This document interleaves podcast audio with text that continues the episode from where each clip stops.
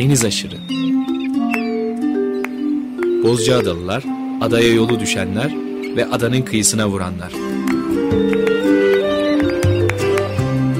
Hazırlayan ve sunan Deniz Pak.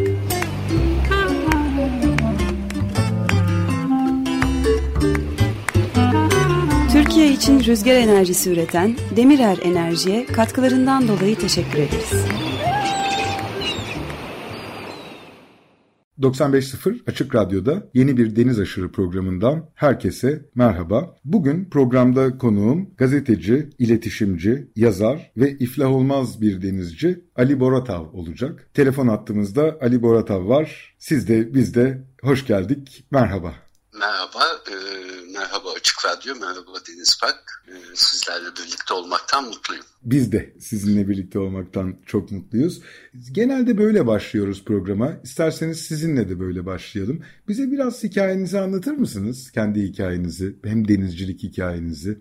İflah olmaz bir denizci diye e, lafa başlamıştınız. Hani böyle iflah olmaz bir deniz sevdalısı diyelim çocukluktan itibaren denizle iç içeyim. Son 20 yıla yakın süredir de bir gün yoğun çalışma temposu içinde kara tatillerine bir son verdik ve denize açıldık. O gün bugündür denizdeyiz. Sonra emekli olduk. 3-4 yıl oldu. Derken herkes Ege'ye yerleşmeyi düşünür. Adalara yerleşmeyi düşünür. Ee, biz denize yerleşelim dedik. Bir tane de tekne aldık. Geçen yıl büyük bir tesadüf. Pandemi belası da başımıza patladı. 5 ay civarında denizde yaşama mutluluğunu da yaşadık. Ondan önce kiralık teknelerle 3-4 hafta, 5 hafta bazı long weekend kaçamakları denize çıkar dururduk. Şimdi artık bayağı bir denizdeyiz. İnşallah bir müddet böyle gidebiliriz. İnşallah diyorum çünkü biraz ortam gergin denizde. Evet. Baskı büyük. Evet evet yani hem bir kentsel baskı var. Bizim dünyada pek az yerde görebileceğiniz e, eşsiz mavi kıyılarımız yavaş yavaş kentleşme baskısıyla daralmaya başlıyor. E, hem de denizlerde büyük bir baskı var. Çünkü denizcileri de ilgi yüksek. Buna aslında sevinmek lazım ama nasıl bir denizcilik? Öyle bir soru da ortaya çıkmaya başladı son günlerde, son aylarda, yıllarda diyelim. Bu, bu ortamda e, olabildiğince hem denizleri korumaya hem denizleri yaşamaya çalışmak e, en büyük hayalim. Evet gerçekten yani nereye doğru gidecek çok merak ediyoruz. Siz de merak ediyorsunuz. E, müthiş bir başyapıt diyeceğim. Denizciler için çok önemli. Sadece rehber demek biraz haksızlık olacak diye bir başyapıt diyorum bu kitaba. Ee, bir mavi yolculuk rehberi yayınlamıştınız. Bunun ikinci baskısı bu yıl yani 2021 yılında basıldı. Ege Yayıncılık tarafından basıldı. Bu arada e, bizim programda Ege Yayıncılığın bastığı ikinci kitaptan bahsediyoruz. Seyyahların izinden Tenedos'tan Bozcaada'ya kitabını e, yazarı Rüstem Aslan'la birlikte, Profesör Doktor Rüstem Aslan'la birlikte Deniz Aşırı programında konuşma imkanımız olmuştu. Şimdi Ege yayınlarından yayınlanmış bir başka kitabı Mavi Yolculuk Rehberi'nin ikinci baskısına e, yani sizin yazdığınız Ali Boratav'ın yazdığı bu müthiş yayını da konuşma imkanı bulacağız ve kitapta da bahsediyorsunuz. Hatta bir fotoğraf var. O fotoğraf neredeydi? Hangi koydaydı? İkinci baskıya ön sözse Ada Boğazı'nın fotoğrafından söz ediyor olabilirsiniz. Yoğunluktan mı bahsediyoruz? Evet bir alışveriş merkezi otoparkı gibi gözüküyor gerçekten. Evet doğru. Yani o resim e, geçen yıl Temmuz ayında bayram günlerinde çekilmiş bir resim. Yani Adaboğazı dediğiniz yer Boz, e, Bozburun'da. Normalde böyle 8-10 tekne ile karşılaşabileceğiniz e, çok müstesna bir demirleme bölgesiydi. Fakat o, o kadar müstesna ki yani hem böyle güçlü bir akıntı var, bayağı temiz su oluyor. Hem Yeşilova Körfezi'nin tüm e, esintisi orada e, Kızılada'nın üstünden teknelere iniyor ve yazın en boğucu günlerinde bile e, serinlik imkanı söz konusu oluyor. Denizin rengi turkuaz, cam göbeği. E, sonuç bu pandemi günlerinde bayramda bir de baktık kitapta basılan o resimde yanlış hatırlamıyorsam 90'a e, yakın tekne var. Resmi kadrajının dışında kalmış alanlarda da en aşağı bir 30 tane daha vardır. Yani 120 tekne oraya demirlemiş. Bu, bu Bozul'un kaldırabileceği bir yük değil. Yani şu anda pandemi günlerinde denizde böyle bir yoğunluk var. Bir şekilde bunun regüle olması lazım. E, aksi takdirde ne denizde yaş- e, olmanın keyfinden söz edebiliyor olacağız. Çünkü orada biraz huzur, biraz sakinlik, biraz sükunet arıyor insan. Ne de temiz kalma olasılığından. Çünkü bu teknelerin önemli bir kısmı belki motor çalıştırıp yakıt sarf etmek pahalı geliyor. Çok uzun zamanlarını aynı koyda demirli olarak geçiriyorlar. Ve ben bunu anlayamıyorum. Yani bizim denizcilik anlayışımızda bir koyda bir, bir gece kalırsınız. Ertesi gün başka bir yere gidersiniz. Farklı yerler görürsünüz. Şu anda başka bir deniz kültürü gelişiyor. Denizde yaşam. Bunun ileri boyutlarına biz tekne kondu diyoruz. Tıpkı gece kondu gibi. Evet. Bunun 10 e, yıl, 12, 15 e, yıl önce bir örneği vardı Göcek'te. Kahraman Sadıkoğlu'nun bir yüzen evi. Yani yıllarca ulaşıldı bu yüzen eve bir çözüm bulunması için. Yasalarda yok böyle bir şey. Sahil güvenlikte bir şey yapamıyor. Yani tamam kalma burada kardeşim falan diyor ama aslında yasalarda öyle bir şey yok. Sonradan neyse bazı yasal düzenlemeler de yapıldı. Ama bu yasal düzenlemelere ne kadar uyuluyor büyük bir soru işareti. Özellikle Göcek ve Hisar önünde bu konumda çok tekne görüyoruz. Yerleşik aslında, tekneciler yani. Evet evet yerleşik tekneciler. Yani aslında bunda hiçbir mahsur yok. Ama denizi kirletmemeleri lazım. Orada tabii ev rutinine girdikleri için ve bambaşka algılarla denizde olduklarını da anlayabiliyoruz tabii bu durumdan. Geçen hafta programda konuğumuz Aksona Mehmet idi. O da programda anlatmadı gerçi ama program dışında Aksona Mehmet ile sohbet ederken anlatmıştı. İnanır mısın dedi yani koylara gidiyoruz her zaman gittiğimiz yerlere gidiyoruz ve şimdi dedi böyle çok büyük kocaman son derece görkemli teknelerde insanlar dedi denizcilik gelişiyor diye algılıyorlar dedi. İlk önce biz de öyle algılıyorduk dedi. Fakat yanlarına e, yanaştığımızda bu teknelerin kimisi denize dedi garip renklerde ışıklar veriyorlar dedi. Diplerini aydınlatıyorlar. Yani ilk bakışta güzel gibi duruyor ama dedi mehtabı önlüyor dedi. Yani olağanüstü güzel yıldızlara bakmayı engelliyor işin ruhuna aykırı bir hareket oluyor. Ve geçen gün dedi daha farklı da bir şey gördük dedi. Kocaman bir çift direkli bir e, yelkenli ve yelkenlinin bütün direğini böyle garip renkli mor, yeşil gibi böyle bir renkte ışıkla donatmışlar. Olağanüstü güzel, zifiri karanlıkta müthiş işte çok iyi bildiğiniz o Samanyolu'nu izlediğiniz, o yıldızları izleyebildiğiniz, su sesiyle orada çok yüksek konsantrasyonda doğayla baş başa kaldığınız bir anda böyle korkunç ışıklı bir tekneyi gördük dedi. Sonra gidelim bir yanaşalım yanlarına uyaralım bu insanlar kapatsınlar diye düşündük. Bir baktık simsiyah camların içinde bir grup adam dedi oturmuşlar içeride kağıt oynuyorlar dedi o güzelim koyda. Işık da boşa yanıyor. için çalışıyor. evet muhtemelen yani o detayı anlatmadı ama e, muhtemelen tam böyle simsiyah camların içinde yaklaşınca dedi ya dedi bu adamlara bir şey de söylenmez bir arıza da olabilir. Biz dedi demir aldık başka koya gitmek zorunda kaldık dedi. Fakat başka koylarda da bu insanlarla karşılaşabiliyorsunuz. Yani birkaç koy gezdiğimiz oluyor zaman zaman diye anlatmıştı. Şimdi bu anlattığınız şey bizim bu 10-15 yılda yaşadığımız e, trajik bir dönüşüm. Üç tane boyut denizcilik açısından. Birincisi e, yaktıkları mavi e, mol ötesi zaman zaman e, su altı ışıkları küçük koylardaki su altı yaşamını çok ciddi etkileyen bir şey.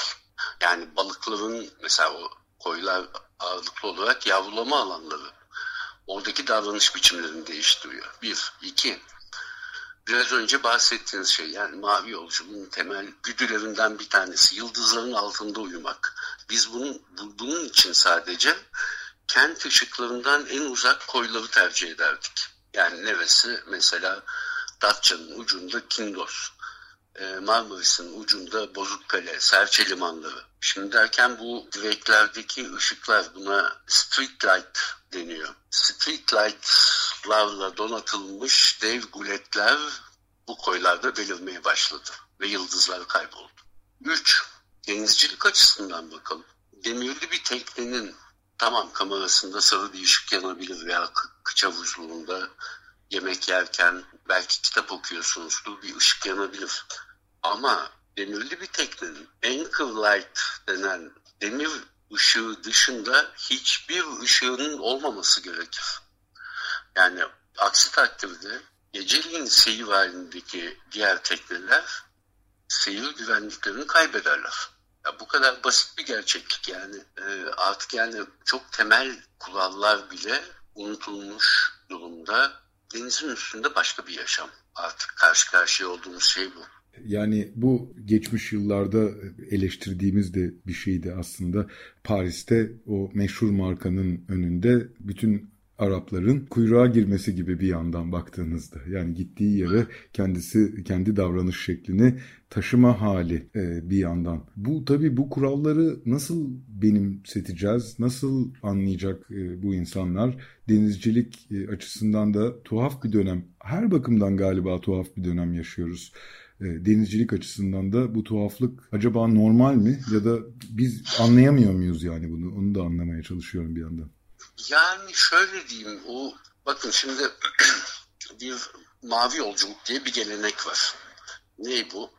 Ee, işte Cevat Şakir başlatmış 1950'lerde Azra Hat, Mina Ulgan, e, Cevat Çapan vesaire o dönemin e, entelijensiyası. Şimdi bu insanlar ne, nasıl çıkmışlar mavi yolculuğa? Şunu arayarak çıkmışlar. Demişler ki doğayla baş başa olalım. Demişler ki şehirlerde hiçbir zaman bulamadığımız bir deniz ürünleri lezzeti yaşayalım. Çünkü kovayı atsanız balık yakalıyorsunuz o dönemde. Evet. Kumun dibinde 8 metre aşağıda koca koca pinalar, istiridyeler, midyeler işte Cevat Şakir'in can yoldaşı Paluka dalıyor. iki kova istiridye çıkartıyor. Şimdi iki bunu demişler. Üç demişler ki burada Mavi Anadolu'nun veyahut da Anadolu uygarlıklarının izini sürelim. İşte Sedir Adası'na gitmişler, e, Tindos'ta e, antik kenti gezmişler, Iasos'ta antik kenti incelemişler. Deniz yoluyla yolculuk yapıp Santos'a, Patara'ya, Kaş'a inmişler, Kekova'yı gezmişler. Onların daha doğrusu Cevat Şakir'in temel tezi şu, uygarlık Batı Anadolu'da doğdu. Batı Anadolu kıyılarında doğdu. O uygarlığın izini sürmüşler. Şimdi mavi yolculuk denen şey bu. Bu arada tabii bir faktör daha. Bu kıyıların insanlarıyla konuşmuşlar. Sözlü kültürü gelecek nesillere aktarmak üzere. O kültürü yaşatmaya destek sağlamak üzere. Peki bugün, bugün mavi yolculuk yapanlar üçte birse, üçte iki mavi dünyada yaşam diye bir şeyin peşinde konuşmamızın başında e, aktardım. Bu özellikle pandemi döneminde artık zirve yapmış durumda. Yani insanlar zaten okullar kapalı, iş yerleri kapalı. İmkanı olanlar bir tekne kiraladılar ya da tekneleri vardı. Teknelerine bindiler. Mavi yolculuk kıyılarımızın en sakin, en korunmaya muhtaç koylarında bir kent hayatını kurdular. Deniz kenti. Yani Jeneratör aralıksız çalışıyor çünkü air condition çalışacak içeride. Çocuk dersine giriyor. Hanım bir televizyon dizisi seyrediyor. Beyefendi futbol maçı izliyor. Akşam tavla partisi var. Ve hepsi biraz önce Aksoy Mehmet'ten e, aktardığınız gibi e, siyah camlar arkasında, kapalı kapılarda. Orada denize bile girdiklerini görmüyoruz bu insanların biz. E bu nasıl bir deniz kültürü? Başka bir şey artık. Evet. Yani bunu biz bunu nasıl değiştireceğiz? Ne olacak? Ne bitecek? Bunlar bizim boyumuzu aşan konular. Yani o insanlar kendileri e, karar verecekler. Mesela evde belki 200 metrekarelik bir ev var. Onun yerine 200 metrekarelik bir yatı mı olsun? 200 metrekarelik bir yat bayağı büyük bir şey. Yani Tabii. 50 metre, 60 metrelik bir madeni yığın demek 200 metrekare. Eğer o olmazsa belki dav gelecek falan ve tekrar evlerine dönecekler. Bilmiyorum yani bu işin geleceği bu. Evet, sosyolojik bir durum aslında. Yani e, Ferhan Şensoy anlatmıştı bana. E, eskiden dedi Sultanahmet'te padişah sefere çıkacak, orduyu topluyor, ordunun başına geçiyor. Dıgıdık dıgıdık bir gün boyunca yol alıyorlar. İlk birinci kampı buraya koyuyoruz dedikleri yer Mahmut Bey gişeler bir şey kent dedi.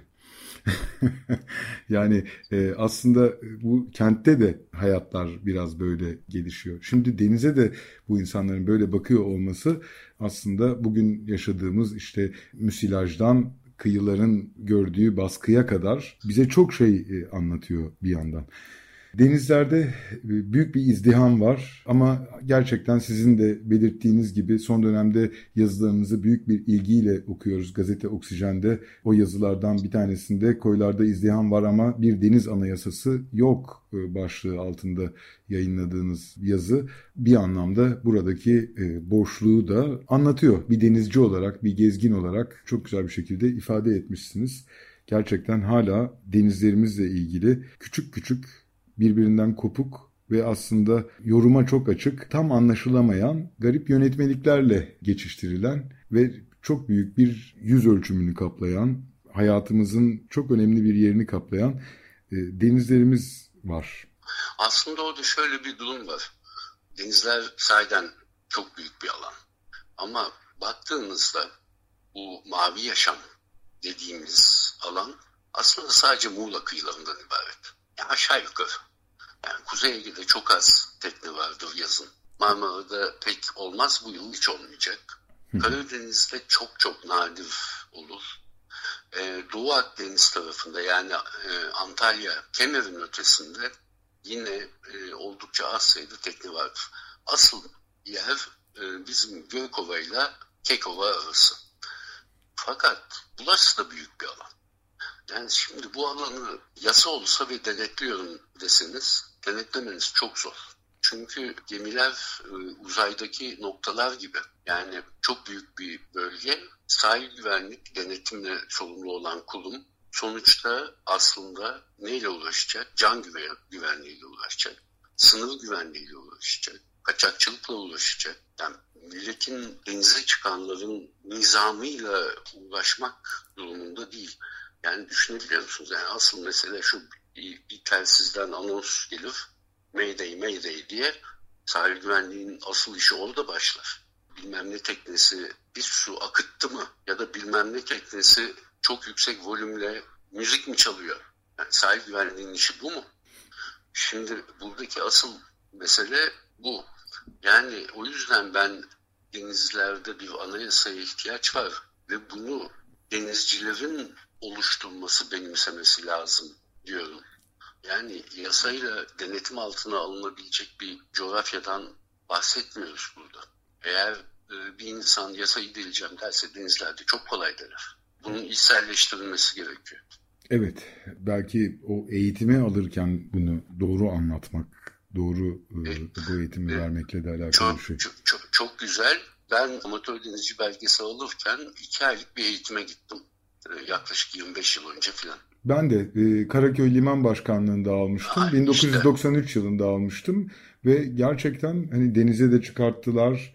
Teorik eğitimleri de liman başkanlığının salonlarında yapmıştık ve çok ağır bir sınavdan geçmiştik. Evet şimdi düşünün şimdi 25 yıl önce böyleydi. Bugün Ulaştırma Bakanlığı bir hedef koydu. 1 milyon amatör denizci. Şimdiden 300 bini geçti amatör denizci sayısı. Belge verilenler. Peki nasıl veriliyor belge? Ee, internette online bir eğitim kitapçı okuyorsunuz. Ondan sonra bir online e, sınava giriyorsunuz ya da e, liman başkanlığında ya da deniz ticaret odasında bir sınava giriyorsunuz. Bir A4 sayfası çoktan seçmeli e, 20 tane soru. E, 70 alırsanız 60 alırsanız size bir tane amatör denizci belgesi diye veriyorlar. Hatta şöyle e, trajik bir şey. Bu sınav öncesinde yetkili kurumdan bir uzman çıkıyor. Soruların neredeyse tamamının cevabını içeren 10 dakikalık bir anlatı yapıyor. Şimdi böyle bir eğitimle hiçbir şey elde edilemez. Yani burada artık e, gerçekçi olmak lazım. Yani bunun hiçbir anlamı yok. Evet. Elinize bir tane kart veriyorlar ve e, yarın öbür gün e, belki bu bir istatistik olacak. Denecek ki Türkiye Avrupa Birliği ülkeleri içinde en yüksek oranda amatör denizci belgesinde sahip ülkedir. Oysa tekne sayısı olarak baktığınız zaman bir e, Norveç, Finlandiya, İsveç gibi 3-5 milyon nüfuslu ülkeler bile bizden daha fazla tekne sayısına sahip. Yani e, orada 100 kişiden 14'ün bir teknesi varsa Türkiye'de 1000 kişiden 2 kişinin ya da 1 kişinin bir teknesi var. Denizcilik, amatör denizcilik belgesi dağıtmakla ölçülebilecek bir şey değil ki yani. Biz böyle bir hayal dünyasında yaşıyoruz şu anda. Evet istatistik işte yalan sanatı gibi algılanıyor bir yandan. Türkiye'de kıyılarda yaşayan herkese amatör denizci belgesini vermek istiyoruz diyorlar. Belki niyetler iyi de ama neye yol açacağı yine ölçülmemiş değişik bir davranış gerçekten. E, bu arada şöyle bir şey de var. Yani hangi belgeniz olursa olsun bir teknenin üzerine çıktığınız zaman bebek gibi kalıyorsunuz. Yani orayı gerçekten sindirmek, o tekneyle hemhal olmak, bütünleşmek, e, bütün her şeyine hakim olabilmek ve onu doğru yönlendirebilmek bayağı ciddi bir meseledir denizde. Siz de e, biliyorsunuz. Doğru, doğru. Tabii ki yani klasik laf işte denizde bir e, fındık kabuğu. Rüzgar 15 milin üstünde çıktığı andan itibaren gerçek deniz macerası başlar. Yani tekneler e, hava sertken limanda kalmak üzere yapılmazlar. Hava sertken yol yapmak üzere yapılırlar. Asıl mesele o noktada denizle nasıl bir ilişki içinde olduğumuz. Yani çok sevdiğim bir söz var. E, denizin sevgisi de yoktur, öfkesi de yoktur. Çok güzel. Yani yani öyle yani denizle bir duygusal bağ kuramazsınız. Deniz bir kez azmaya başladığı zaman onunla baş edebilecek konumda olmanız lazım. Hem, hem kendiniz hem tekneniz. Yani teknede bir tane kırılabilecek cam e, bardak ortada bırakılmaz denize çıkarken. E şimdi bu koca koca yatlar, tekneler görüyorum ben. Yola çıkıyorlar. Bir yandan PSP oynuyor çocuk şeyde duvardaki televizyonda. Yani 3 metrelik bir dalga vurduğu zaman o televizyon tekneyi deler, tekneyi batırır. Tabii. Belki e, henüz böyle acı tecrübeler yaşamamış oldukları için de işte cahil cesareti diyebiliriz. Fakat tabii Akdeniz'de küresel ısınma sonucunda bazı tropik fırtınalar da oluşmaya başladı bir yandan. Sabit duran tekneler çok muhkem bir koyda bulunmuyorlarsa aslında bu fırtınalara da bir yandan açıklar. Değil mi? Hortumlar görüyoruz. Eskiden de evet, görürdük evet. ama bunlar çok sıklaştı artık. Evet. Son 3 yıldır yaklaşık olarak veyahut da 4 yıldır eskiden Antalya tarafında gözükürdü bu tür e, evet. ani hava değişimleri. Şimdi Güney Batı Ege'de de çok sık görülmeye başladı. Mesela e, biz geçen yıl Hisar önünde Datça açıklarında aynı anda 5 tane hortumun oluştuğunu gördük. 2 yıl önce bir gün Datça'dan Marmaris'e doğru giderken 60 mil 60 mil çok ciddi bir sürat. Yani 60 mil dediğimiz 100 kilometre esiyor rüzgar. Evet. 60 mil bir e, fırtınanın içine girdik. Bundan iklim bilimciler bunu e, mikro klima değişimleri olarak açıklıyorlar. Yani ani çok bölgesel kaçaklar deniyor buna. Hava kaçağı. Gökyüzünde bir kapı açılıyor ve oradan bir fırtına geliyor. Şimdi bunlar daha çok Hisarönü ve Gökova tarafında görülüyor. Marmaris'te görülüyor. Göcek'te az görülüyor. Ama bu yıl gözüktü. Göcek'te iki tane tekne battı kışın. Ayvalık'ta battı. 2-3 tane e, belediye rıhtımına bağlı tekne battı. O belki sizin Bozca'da ya da şiddetli vurmuş olabilir. E, yanlış hatırlamıyorsam. Sonbaharda kışa girerken. Bir vaka olmadı Bozca'da da ama çok şiddetli fırtınalara maruz kalıyoruz tabii. Hmm. E, çünkü işte bu yani Kuzey Ege rüzgar koridoru diye bir şey var. Yani orada hakim rüzgar vardır. Hep kuzeyden eser. Yıldız, Poyraz, Karayel arasında döner yaklaştığı karaya kayar rüzgarın yönü. Mesela Atina tarafına yaklaştıkça karayele döner. Türkiye kıyılarında bu rüzgar koridorunun sert havaları Poyraz'dan gelir. Kikratlar da tam kuzeyden gelir. Şimdi bunlar hakim rüzgar. Ama özellikle mevsim dönümlerinde. yani Eylül sonu, Ekim başı e, ve Mayıs, Haziran başı şu anda hiç beklenmedik yönlerden çok şiddetli fırtınalar girebiliyor. Yine geçen yıl ya da önceki yılda hmm, bu Amerika'dakine benzer bir tropikal fırtına geldi. Hatırlarsanız e, Mola Yarımadası'ndan Güney Yunanistan ve adaları takip edip Ayvalık'ta patlayacağı öngörülüyordu. Neyse ki bizim buraya vardığında hafifledi. Evet, onu bekledik ee, gerçekten ve e, evet. hazırlıklar yapmıştık. Evet, evet. Yani şimdi bu tür kasırgalar, demirli bir tekne bu kasırgalara dayanamaz. O yüzden böyle mavi yaşam her zaman o kadar da güvenli, risksiz ve sakin değil. Yani umalım ki böyle şeyler olmasın. Hani acı deneyimlerle bazı şeyleri öğrenmek zorunda kalmayalım. Evet, bunları da hakikaten sizin de kitapta diğer yerlerde yazdıklarınızda vurguladığınız gibi bakalım daha neler göreceğiz. Bir 25 dakikadır konuştuğumuzu görüyorum. Küçük bir müzik arası e, verelim diyorum. Ardından sohbetimize kaldığımız yerden e, devam edelim. Birlikte program yapacağımız için birkaç tane parça seçtim. Onlardan ilki Pireli Deniz Korsanları'nın şarkıları. Bu şarkılardan bir tanesini tabii yayınlayacağız şimdi. Je suis un vagabond parçanın ismi. Gezginim ya da göçmenim tam anlamını e, bilmiyorum.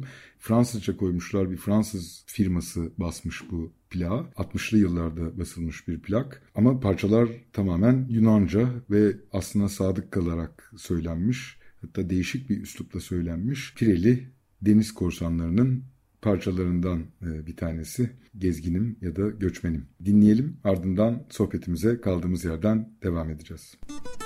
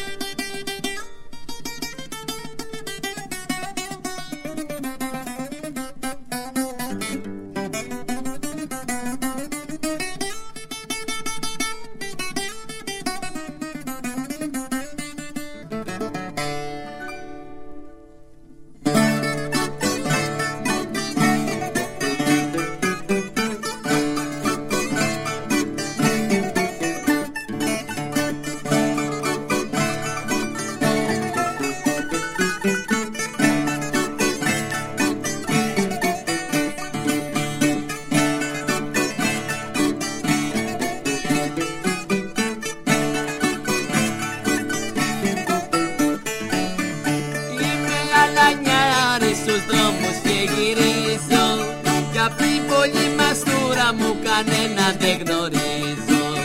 Κι απ' την πολύ τη σούρα μου κανένα δεν γνωρίζω. Είμαι ανανιάρη στους δρόμου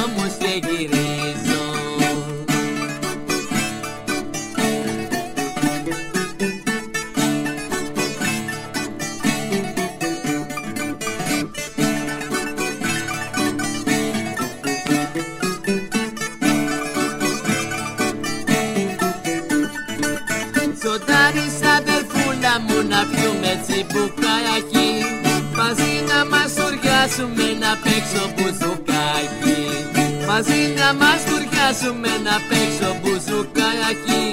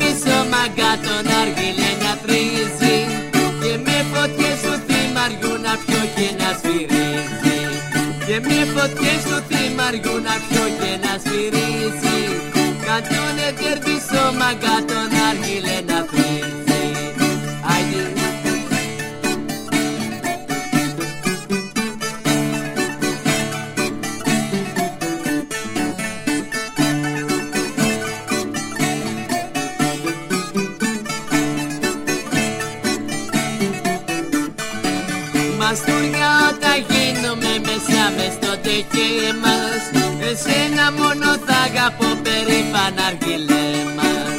Εσένα μόνο θα αγαπώ περήφανα αργυλέ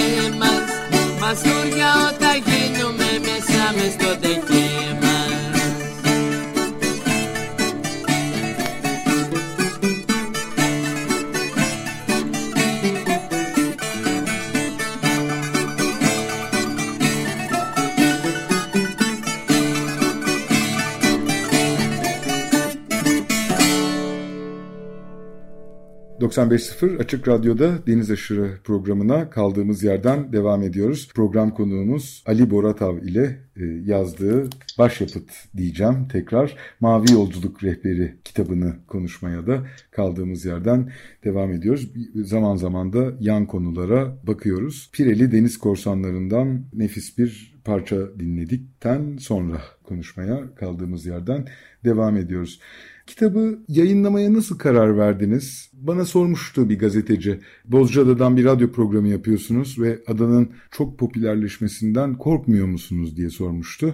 Ben de Haluk Şahin'in e, Bozcaada kitabından sonra bir gazetecinin ona bunu sorması ve Haluk abinin bana bu hikayeyi anlatmasından bildiğim Haluk abinin cevabını vermiştim gazeteciye. Keşke buraya gelecek olan insanlar bizim yazdıklarımızı, konuştuklarımızı dinleyerek gelseler, okuyarak gelseler demiştim.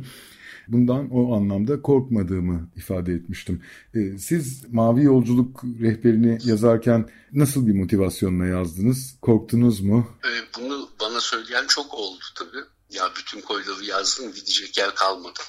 Ama şöyle bir şey var yani gerçekçi olmak gerekirse bizim mavi yolculuk kıyılarımızda diyelim ki 20 bin 25 bin tekne gezi halinde. Ha bunlar e, özellikle nereyi kastediyoruz? Muğla kıyılarını. Muğla kıyıları özeline girerseniz mesela 2019'da an olarak peak sezonda 5-6 bin tekne vardı. 2019'da 7-8 bin tekne oldu. Bu pandemi, pardon 2020 yılında pandemi nedeniyle. Bu yıl belki 9-10 bin tekne olacak. Fakat bu diyelim ki 10 bin tekne. Bu 10 bin teknenin zaten 6 bini, 7 bini deniz profesyonelleri tarafından kullanılıyor e, amatör denizciler tarafından değil, profesyonel kaptanlar tarafından kullanılan özel yatlar, profesyonel kaptanlar tarafından kullanılan ticari yatlar. Onlar zaten her kuytuyu biliyorlar. Bilmeyen biziz. Ben bilmeyenler için yani bizim cephe için, amatör denizciler için bu kitabı yazdım. Amatör denizciler efektif olarak 30 sayıları 30 bin 25 bin civarındadır. Ama çok önemli bir kısmı yılda bir hafta bir tekne kiralayarak denize çıkanlardır. Deniz sevdalıları, ticari e, yatlarla çıkanlar. Onlar öğrenmek isteyebilirler. Yani, yani, yani şurada şu koy varmış, burada bu koy. Tamam kaptan onları bir yere götürüyor ama ya bir de şuyu görelim diyebilirler. Dolayısıyla güneşin altında gizli bir şey yok. Bu koylar zaten biliniyor. Ben hatta bu ikinci baskıda amatörler tarafından daha da az bilinen ama profesyonellerin kullandığı gizli ka- kaçış noktalarını da ekledim. Niye sadece onlar o sakin koylara gündüz molası için girsinler? Amatörler de gitsinler. Kitabın sizin sorduğunuz soru anlamında temel e, motivasyon kanalı bu. Bir geriye dönelim. Yani nereden çıktı bu kitap? E, nasıl yazmaya karar verdim? Onu da çok kısaca paylaşayım Lütfen. dinleyicilerimizle. E işte konuşmamızın başında da söyledim böyle 15-20 yıldır denizlerde dolaşıyoruz. Bu esnada ben Yat Türkiye dergisinde düzenli olarak bu gezilerden izlenimlerimi, gözlemlerimi, anılarımı kaleme almaya başladım.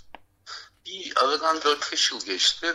Yaşta ilerliyor. Kendime şöyle bir hedef koydum ya. Yani günün birinde işte profesyonel yaşamı bırakacağız. Bitecek. Bir çizgi çekeceğiz. Bu bir emeklilik projesi olsun. Çünkü kıyılarımızla ilgili geçmiş yayınları da okuyorum. Tabii ki bu geziler sırasında. Ve şöyle bir şeyin farkına vardım. Son büyük eser bizim başucu kitabımız Sadun Boran'ın Vira Demir'i. En son revizyonu 2010. Yani şu anda üstünden 11 yıl geçmiş vaziyette. Ve bu 11 yılda bayağı çok değişiklik var. Yani hem kıyılarımızda değişiklik var hem denizciliğimizde. Dolayısıyla denizlerdeki bu yoğunluğa cevap verebilecek bir bilgi ve deneyim aktarımına da ihtiyaç olacaktı.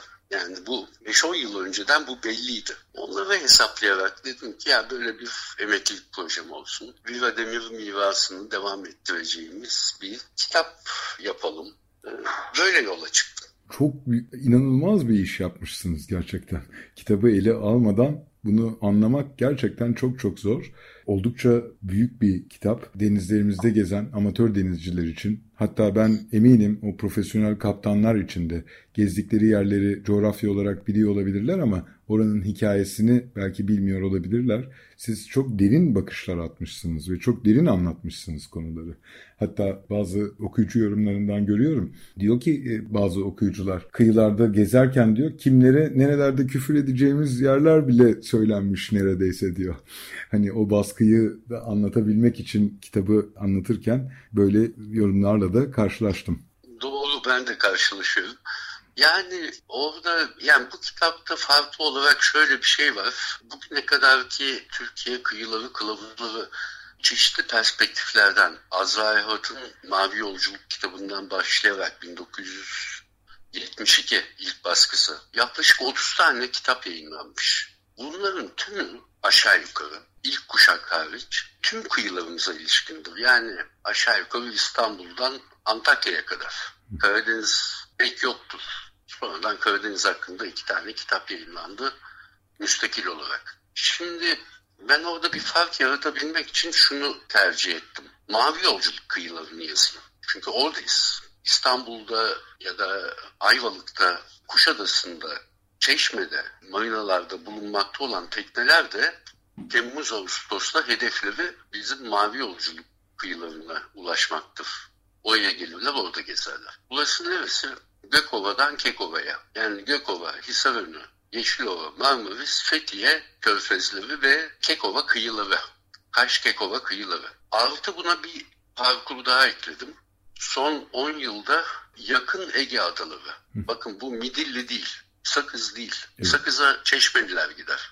Samos'a Kuşadalılar gider. Evet. Ama mavi yolculuğa çıkanlar 12 adalara gelirler. Dolayısıyla bir de 12 adaları ekledim. Orası da tarihi içinde çok uzun bir süre 600 yıla yakın Osmanlı'nın egemenliği altında kalmış ama bugün denizcilik açısından yeniden Türklerin egemenliğinde. Şimdi mesela pandemi nedeniyle Simi limanında tek tekne yok. 2019 yılında belki 150 tane tekne vardı ve hepsinin içinde Türk bayrağı dalgalanıyordu. Dolayısıyla dar bir alana odaklandım. Dar bir alana odaklanınca da Mavi Yolculuk Rehberi ikinci baskısı 608 e, sayfa, 540 tane koy var içinde. Oysa Sadun Bolo üstadımızın Viva Demir'i yine 600 sayfada İstanbul'dan Antakya'ya kadardır. E şimdi ben bu odaklanmayı yapınca burada öyküler, tarihi bilgi, coğrafi bilgi, mutfak kültürü, artizanal e, sanatlar, doğa yapısı, e, sit alanları pek çok bilgiyi aktarabilecek yer buldum. O bir zenginlik kazandırdı e, diye inanıyorum. Genellikle e, aldığım tepkilerde de böyle bir beğeni var, e, kutlama var. Bundan da çok mutluyum. Hani e, elden geldiğince bu tarihi ve kültürel mirası, mirası kayıt altına almış bir envanterini dökmüş olabildim diye düşünüyorum. Tabii ki gelecek kuşaklar daha iyilerini yapacak. Şimdilik bizim elimizden gelen bu kadar. Gelecek kuşaklar bizim gezdiğimiz denizler gibi bir deniz bulabilecekler mi bilmiyorum. Umarım bulurlar. Çok daha iyilerini bulurlar umarım. O zaman çok daha iyilerini yaparlar. Ama gidişat çok çok parlak değil gibi duruyor gerçekten. O da ayrı bir konu ve gerçekten düşündürücü. Yani e, şu Marmara Denizi'ndeki mikroalp patlamasının son analizlerinde Kuzey Ege'de nasıl bir yayılım ve tehdit alanlarının oluştuğu ortaya çıkmış durumda. Yani burada çok samimi şöyle bir şey söylemek lazım. Aynı tehdit Göcek'te de var. İsavönü'nde de var. Yani sadece bir miktar sorunu var şu anda. Yani biz 15 yıl önce, 20 yıl önce Göcek'te bir koya gittiğimiz zaman ayaklarımızın dibinde balıklar yüzüyor olurdu. Pırıl pırıl bir kuma basıyor olurdu. Bugün balçağa basıyoruz. Tek bir hayat yok. Evet. Denizin içine girdiğinizde tam olarak görmüyorsunuz. Geceliğin girin bir su altı feneri yakın. Denizin içindeki partiküllerin yoğunluğu dehşet uyandırıcı. Dekova'da da böyle. Özellikle kentlere yaklaştıkça veyahut da deniz turizminin yoğunlaştığı küçük kapalı koylarda. Diyelim ki Hisarönü'nde Bencik koyu. 3 mil derinliğinde. Daracık bir kanal. İçinde her gün 200 tane tekne var. 200 teknenin demir atıp çekmesi bile oradaki e, zemini yok etmek için yeterli. Bıraktım yıkadıkları bulaşığı. Eskiden hiç insan görmemiş orfozları, lahosları, baraküdaları görüyorduk, akyaları görüyorduk. Onlar böyle merakla geliyorlardı. İnsana geliyorlardı. Şimdi artık hepsi birbirinden tecrübeli orfozlar, lahoslar, akyalar, baraküdalar oldular. İnsan tecrübesi kazandılar. İnsandan korkuyorlar bir yandan. Haklılar da. Çünkü e, hiç e, yarar gördüklerini sanmıyorum. Evet orada bir ekleme yapayım. O insanı merak eden baraküdaların, orfozların pek çoğu şu anda yenmiş durumda zaten. Evet. Dolayısıyla yoklar onlar. Doğru. Yani belki siz Bozcaada da biraz şanslısınız. Su altında hala bir yaşam var ama iyi korumaya bakın. E, evet. Yani, e, güneyde kalmadı bu. Evet. Artık Kuzey Ege'de de orfozlar, lahoslar hep çok tecrübeliler. Lahos pek yoktur bizim sularımızda da Orfozlar pek tecrübeliler. Kömür limanında Ali Ethem Keskin'le birlikte e, yıllar önce bir dalışa gitmiştik. Bir Orfoz vardı. Orfoz'un böyle tam tecrübeli Orfoz'du. Yani ağzından misinalar sarkıyordu böyle 4-5 kere çok ölümün kıyısından dönmüş. Tabii tabii. E, ağzındaki o misinalarla birlikte onun bir fotoğrafını çektiğimizi hatırlarım. Bizim için bir önemli bir konudur yani o orfoz. Tecrübeli orfoz dedikleri şey bu olsa gerek diye. Yaralanmış, zıpkından kaçmış, oltadan kaçmış ama e, hala birisi geldiği zaman bir böyle bir kafasını çıkartıp e, bakıyordu. Bu söylediğim de bir 20 yılı vardır herhalde. Acaba ne durumda bilmiyorum. Evet. Şimdi oralarda bir doğalgaz çevrim santrali de yapıyorlar anladığım kadarıyla. Saros Körfezi'nde. Evet. Ee, o da e, oradaki işte sıcak su deşarjı da oraya nasıl bir katkıda bulunacak onu da çok çok merak ediyorum. Marmara kıyılarında e, gördüğümüz şeyleri Ege'ye de taşımaya başladılar gibi duruyor. Mikroalglerle ilgili konuya geri dönecek olursak şu andaki soru şu ki eğer önlem almıyor isek müsilaj ve atık yönetimi konusunda Kuzey Ege'yi de kaybedecek miyiz, kaybetmeyecek miyiz? Soru bu sanki şu anda. Vallahi yani sadece Kuzey Ege değil işte biraz önce onu söylemeye çalıştım. Evet. ilgili de aynı sorun var. Yani bakın sadece Muğla'nın yazlık nüfusu veyahut da pik nokta nüfusu 8 e, milyon civarında. Çok büyük bir şans şimdi, evet. şimdi Muğla'nın Bodrum, Marmaris, Fethiye bunların devlet istatistik enstitüsündeki nüfusu taş çatlasa 800-900 bindir. Ama yaz aylarında özellikle bu pandemi sonrasında çok rahatlıkla 6-8 milyonluk bir nüfusa ulaşıyor. Muğla'dan bahsediyoruz. 8 milyon nüfusu ne demek? Yunanistan'ın toplam nüfusu 12 milyon. Evet. E şimdi o nüfusu doyurmak için yapılan tarımsal gübreleme hepsi denize akıyor. Marmara'dan biliyoruz yani denizdeki kirlilik yükünün yaklaşık üçte biri tarımsal gübrelemeden kaynaklanıyor. Doğrudan azot, fosfor ve potasyum. Fethiye'nin bir e, uydudan e, fotoğrafına bakın. Yani dağlara kadar sera. E, o yüzden ne oldu? Fethiye'nin önünde bir buçuk kilometrelik kahverengi bir su var şu anda. Bir buçuk kilometre açığa kadar. Evet. Bir zamanlar İzmir Körfezi gibi. Yani Bodrum açık kıyı olduğu için daha kolay korunuyor. Ama Fethiye kapalı bir körfez. Kent önünde bir buçuk kilometrelik bir ölü deniz var. Dolayısıyla yani sadece Kuzey Ege açısından değil, tüm Ege'de çok ciddi bir sorun var. Biz eskiden mesela Turgut Reis'in açığında Bodrum'da hala günde 10 bin metreküp arıtılmamış kanalizasyon atığı derin deniz deşarjıyla Turgut Reis'in 300 metre ilerisine zerk ediliyor. Evet. 10 bin metreküp. Şimdi hala arıtılmamış. Güya Turgut Reis'te arıtma tesisi yapıldı ama hala devreye girmedi. Çünkü erken şekilde işte açtık ettik diye soft opening gibi bir lansman yaptılar ama çalışmıyor. Hala 10 bin metreküp ne demek biliyor musunuz? Bodrum'un çevresine 100 bin tane tekne demirlese yani bizim yelkenliler tarzı böyle 12-13 metrelik küçük tekneler. Bunlar ağzına kadar dolu kirli su tanklarını aynı anda boşaltsalar 10 bin metreküp çıkar. Yani aslında teknelerden kaynaklanan kirlilik aslında devede kulak. Evet. Ee, as, asıl büyük sorun karadan denizin kirletilmesi. Zaten o yüzden Avrupa Birliği Akdeniz'in kirlenmesine karşı mücadelelerinde sadece Avrupa Birliği değil aynı zamanda Birleşmiş Milletler Çevre Programı da aynı politikayı izliyor. Teknelerle uğraşmıyorlar fazla. Hassas bölgeler hariç. Asıl tarımsal atıkları engellemek ve kentsel atıkları engellemek. Adriyatik bundan 8-10 yıl önce ötrofiye geçti. Adriyatik'in kuzey bölgeleri, işte Hırvatistan, Yunan, İtalya kıyıları. En büyük sebep sanayi atıklarıydı. Sanayi atıkları ve tarımsal atık ikinci seviyede. Geçmişte müsilaj krizi yaşamış bir Tabii, e, coğrafyadan bahsediyoruz. İşte buradan, bundan dolayı yaşıyor zaten. Hı hı. Ee, bizde Güllük Körfezi, yani Bodrum'un hemen üstü. Şimdi Bodrum kıyılarında çok fazla kirlilik görmüyorsunuz. O derin denizle şarjlarına rağmen Güllük'te görüyorsunuz. Niye? Kapalı. Hı hı. Tıpkı işte Fethiye'de olduğu gibi. Güllük'te de ötrofi aşamasına geçildi dip noktalarda. Orada Milas devrinde denizde şarjı ve tarımsal atıklar dışında bir önemli faktör de balık çiftlikleri. Evet. Şimdi biz bunlarla uğraşmıyoruz. Maalesef denizcileri konuşuyoruz. Denizcilerin derdi küçük kapalı koylardır. Asıl denizlerdeki kirlilik yükü net bir şekilde tarım, sanayi ve kentsel atıklar.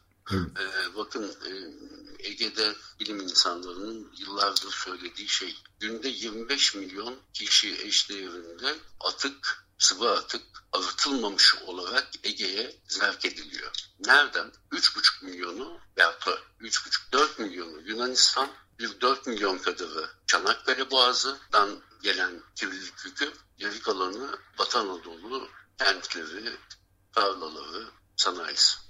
16-17 milyonda aşağı yukarı böyle.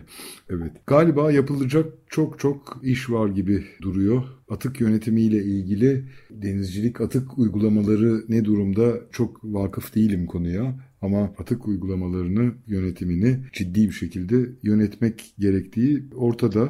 Galiba artık uluslararası boyuta da varmış durumda. Limnili balıkçılar balığa çıkmayı bırakmışlar. Midillili balıkçılar bırakmışlar. Ayvalık'ta %80-90 oranında bırakmış.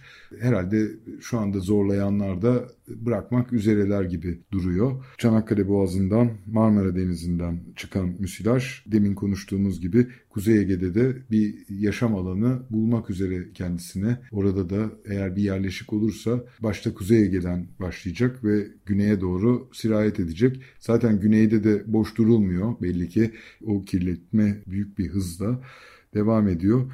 Umarım toparlayacaklar bunu. Yoksa siz Finike'den bahsettiniz seralardan, Finike diyorum özür dilerim. Fethiye'den bahsettiniz seralardan. Oysa Finike'de, Kumluca'da, Antalya'da, Anamur'da, Mersin'e kadar yani ne kadar büyük bir tarım yapılıyor ve ne kadar bereketli coğrafyalar. Yani işte Rusya'ya narenciye gönderiyoruz, domates gönderiyoruz, salatalık gönderiyoruz dediğinizde buralardan gidiyor yani bunlar. Bizim kıyılarımızın bir ek talihsizliği daha var.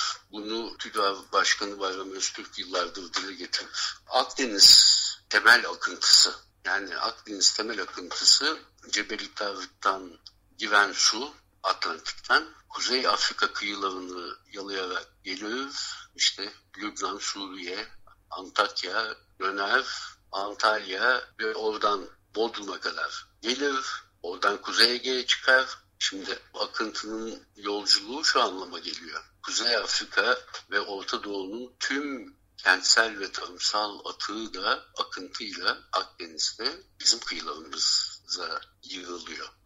Ege'ye çıkıyor işte Midilli'nin altından dönüp Akdeniz'de yoluna devam ediyor. Hem bizim kıyılarımızı hem Avrupa sahillerini etkileyen en önemli faktörlerinden biri de bu. Dolayısıyla pek çok faktör burada üst üste biniyor. Yani hem biz iyi yönetemiyoruz hem akıntı tüm Kuzey Afrika ve Orta Doğu'nun kirlilik yükünü bizim kıyılarımıza getiriyor. Bunun sonu nereye varır bilemiyorum yani biraz zorlu bir konu. Ya bu kadar güzel bir konuyu bu kadar zor ve kötü halde konuş aslında. Konuşmak zorunda kaldık. Çünkü durum böyle. Bu durumu bu hale getirmek gerçekten büyük başarı. Belli ki sadece bizde de yok. Ama bu hani legalleştirmesin bu durumu. Ee, umarım bir şekilde aşacağız. Umarım burada öncü de biz oluruz. Pek öyle gözükmüyoruz ama umarım öncü oluruz. Çünkü bakan hala Ergene Nehri'ni bugün kestik, şunları yaptık, bunları yaptık demiyor. Oksijen vereceğiz diyor denize. Artık herhalde atıkları yönetmek, atıkları doğru bir şekilde bertaraf değil de ıslah ederek denize katmak bir noktada konuşulmalı diye düşünüyorum. Yayın süremizin sonuna geldik. Aslında çok önemli bir konu kaldı geride. Sizin yazdığınız en son yazınız vardı Oksijen'de. Bunu çok konuşmayı istiyordum bir Bozca dalı olarak. Mavi kıyılarımıza bir bağcılık koruması olabilir mi sorusuyla başlattığınız bir yazı. Çok kısaca isterseniz bahsedebilirsek bir iki dakika vaktimiz var. Şöyle ben bunu çok enteresan bir şekilde biz bizim temel gezi alanlarımızdan biri işte Marmaris'ten çıkarız, Hisarönü'ne geçeriz. Orada Yeşilova Körfezi.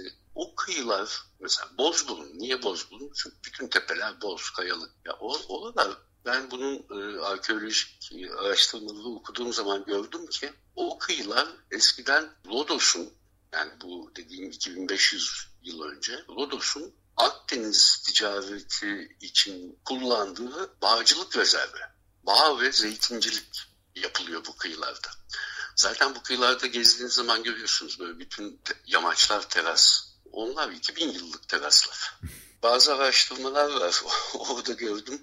Sadece Bozburun çevresinde yani Bozburun çevresi derken e, Orhaniye'den Bozukkale'ye kadar olan bölge. Orada yıllık şarap üretimi 20 milyon litreymiş. 2500 yıl önce. Bugün Türkiye'nin şarap üretimi toplamı 60 milyon litre. Şimdi bazı öncü projeler var Bozburun'da, Datça'da, Bodrum'da. Yani ben şunu hayal ediyorum. Bizim bu kıyılarda en büyük derdimiz e, kentsel baskı. Kentsel baskı yerine bir an düşünün. Toskanlı bölgesindeki gibi bu kıyılarda bağlar kurulmuş. Nasıl Bozcaada'da örneğin bağcılık birdenbire patladı gitti. Avşa'da hakeza. Yani adalarda bu biraz daha kolay gerçekleştirilebildi anladığım kadarıyla. Biraz gelenek de var tabii. Yani o geleneğin tabii, bozulmamasıyla tabii. ilgili bir durum da var. Evet. Ama o bahsettiğim kıyılarda da o gelenek var. Bunlar 90 yıl önce terk ediyorlar o toprakları. E, Bozcaada da aşağı yukarı aynı. Yani daha çok var nüfus ama yani bağcılık veyahut da şarapçılık yapanlarda daha çok Rum nüfus. Dolayısıyla bu gelenekler kolaylıkla canlandırılabilecek şeyler. Mühim olan şu, o topraktan siz bir değer elde edebilirseniz o toprağa 3 kuruşa, 5 kuruşa ya da 3 milyona, 5 milyona satmak yerine o sürekli değeri korumaya çalışma yolunu seçebilirsiniz. Bu konuda Oksijen'deki o yazıyı yazdıktan sonra bir arkadaşım aradı söyledi. Bilmiyordum. Anamur yakınında bir köyde yaşıyor arkadaşım 25 yıldır. Ee, yaz aylarında, kışın İngiltere'de. Diyor ki ben diyor burada yaşamaktan çok mutluyum diyor. Çünkü 25 yıl önce buraya taşındığımda köy 900 nüfusluydu diyor. Bugün de 900 nüfuslu diyor. Köy tamamen muz bahçesi. Muzdan öyle iyi para kazanıyorlar ki bir metrekare arsalarını satmıyorlar diyor. Tamam. Bağ bunun 10 katı değer yaratabilir. Eğer sebat gösterirseniz. Bu bir soru işareti. Çok haklısınız.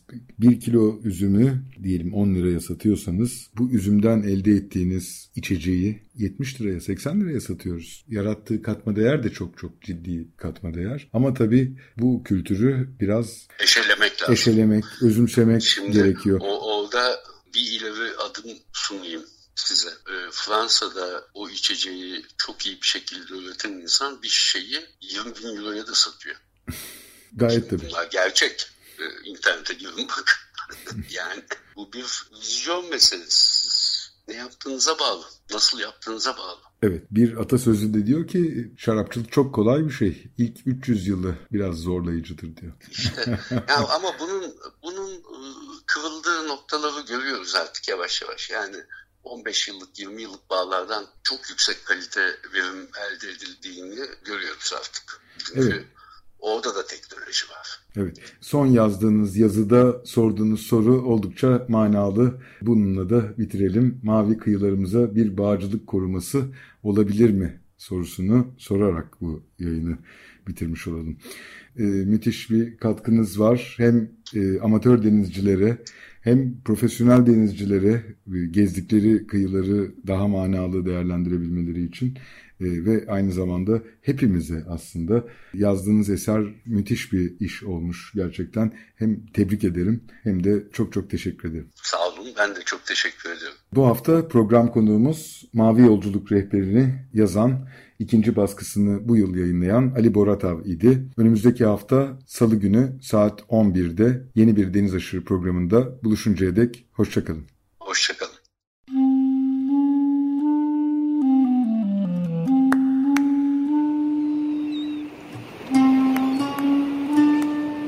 Deniz aşırı. Bozcaadalılar, adaya yolu düşenler ve adanın kıyısına vuranlar. Hazırlayan ve sunan Deniz Pak.